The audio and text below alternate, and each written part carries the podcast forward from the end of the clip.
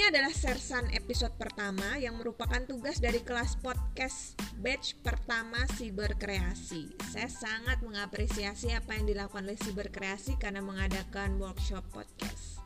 Lalu kenapa sih saya tertarik dengan podcast? Nah, flashback mungkin ke masa lalu nggak banyak orang yang tahu kalau seorang Anissa itu pernah mengikuti audisi untuk penyiar radio di salah satu radio swasta yang ada di kota Semarang. Tapi sayangnya tetot gagal audisinya.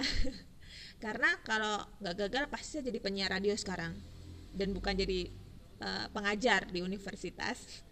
Tapi nggak apa-apa. Dari audisi yang gagal itu saya belajar bagaimana eh, nggak uh, gampang banget itu ngomong di depan mikrofon di ruangan tertutup dan diliatin oleh produser pada saat itu gitu.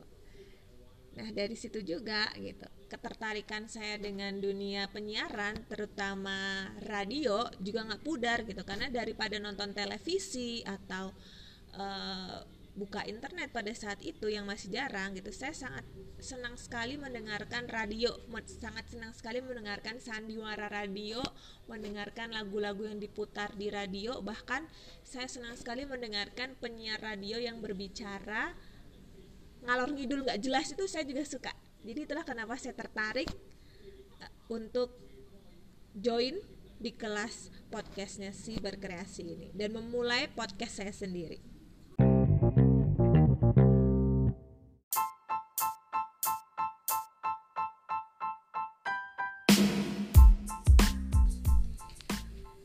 Sersan ini akan membahas fenomena-fenomena budaya, fenomena media, fenomena jurnalistik, fenomena komunikasi, sampai fenomena-fenomena yang viral yang ada di internet.